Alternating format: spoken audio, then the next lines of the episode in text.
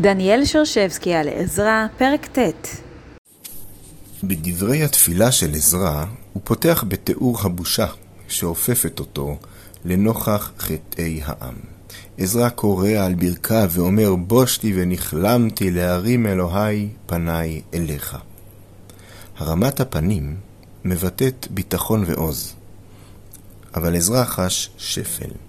פניו של עזרא נותרים למטה, מפני שכמו שהוא אומר, עוונותינו רבו למעלה ראש, ואשמתנו גדלה עד לשמיים. כשהעוונות למעלה, הפנים למטה.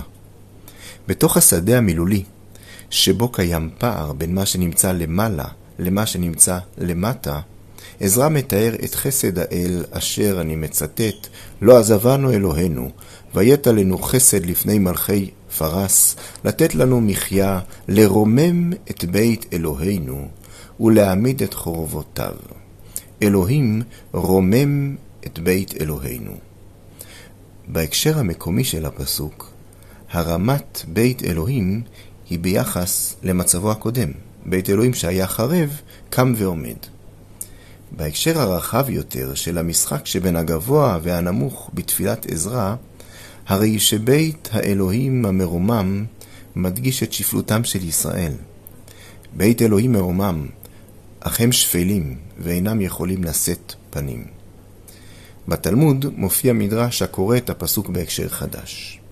כך במסכת שבת דף י"א עמוד א', ואמר רבי רבא בר מחסיה, אמר רב חמא בר גוריה, אמר רב, כל עיר שגגותיה גבוהין מבית הכנסת, לסוף חריבה. שנאמר לרומם את בית אלוהינו ולהעמיד את חורבותיו. על פי הקריאה התלמודית, המקום הקדוש צריך להיות מרומם לא רק ביחס לעצמו, אלא ביחס לסביב, לסביבתו. מיקומו של המקום הקדוש צריך לבטא את סולם הערכים של החברה. בתי העיר נמצאים למטה, ובית האלוהים למעלה. לאור זאת קובע התלמוד, בית הכנסת צריך להיבנות במקום הגבוה ביותר בעיר. קריאת הפסוקים והמדרש שלצידם היא תנועה בין רעיון לבין הביטוי הפיזי שלו. מעזרא קורע בשפלות רוח על ברכיו, עד לבית המקדש יש למקמו בראש כל הבניינים כביטוי לעדיפותו של בית האלוהים.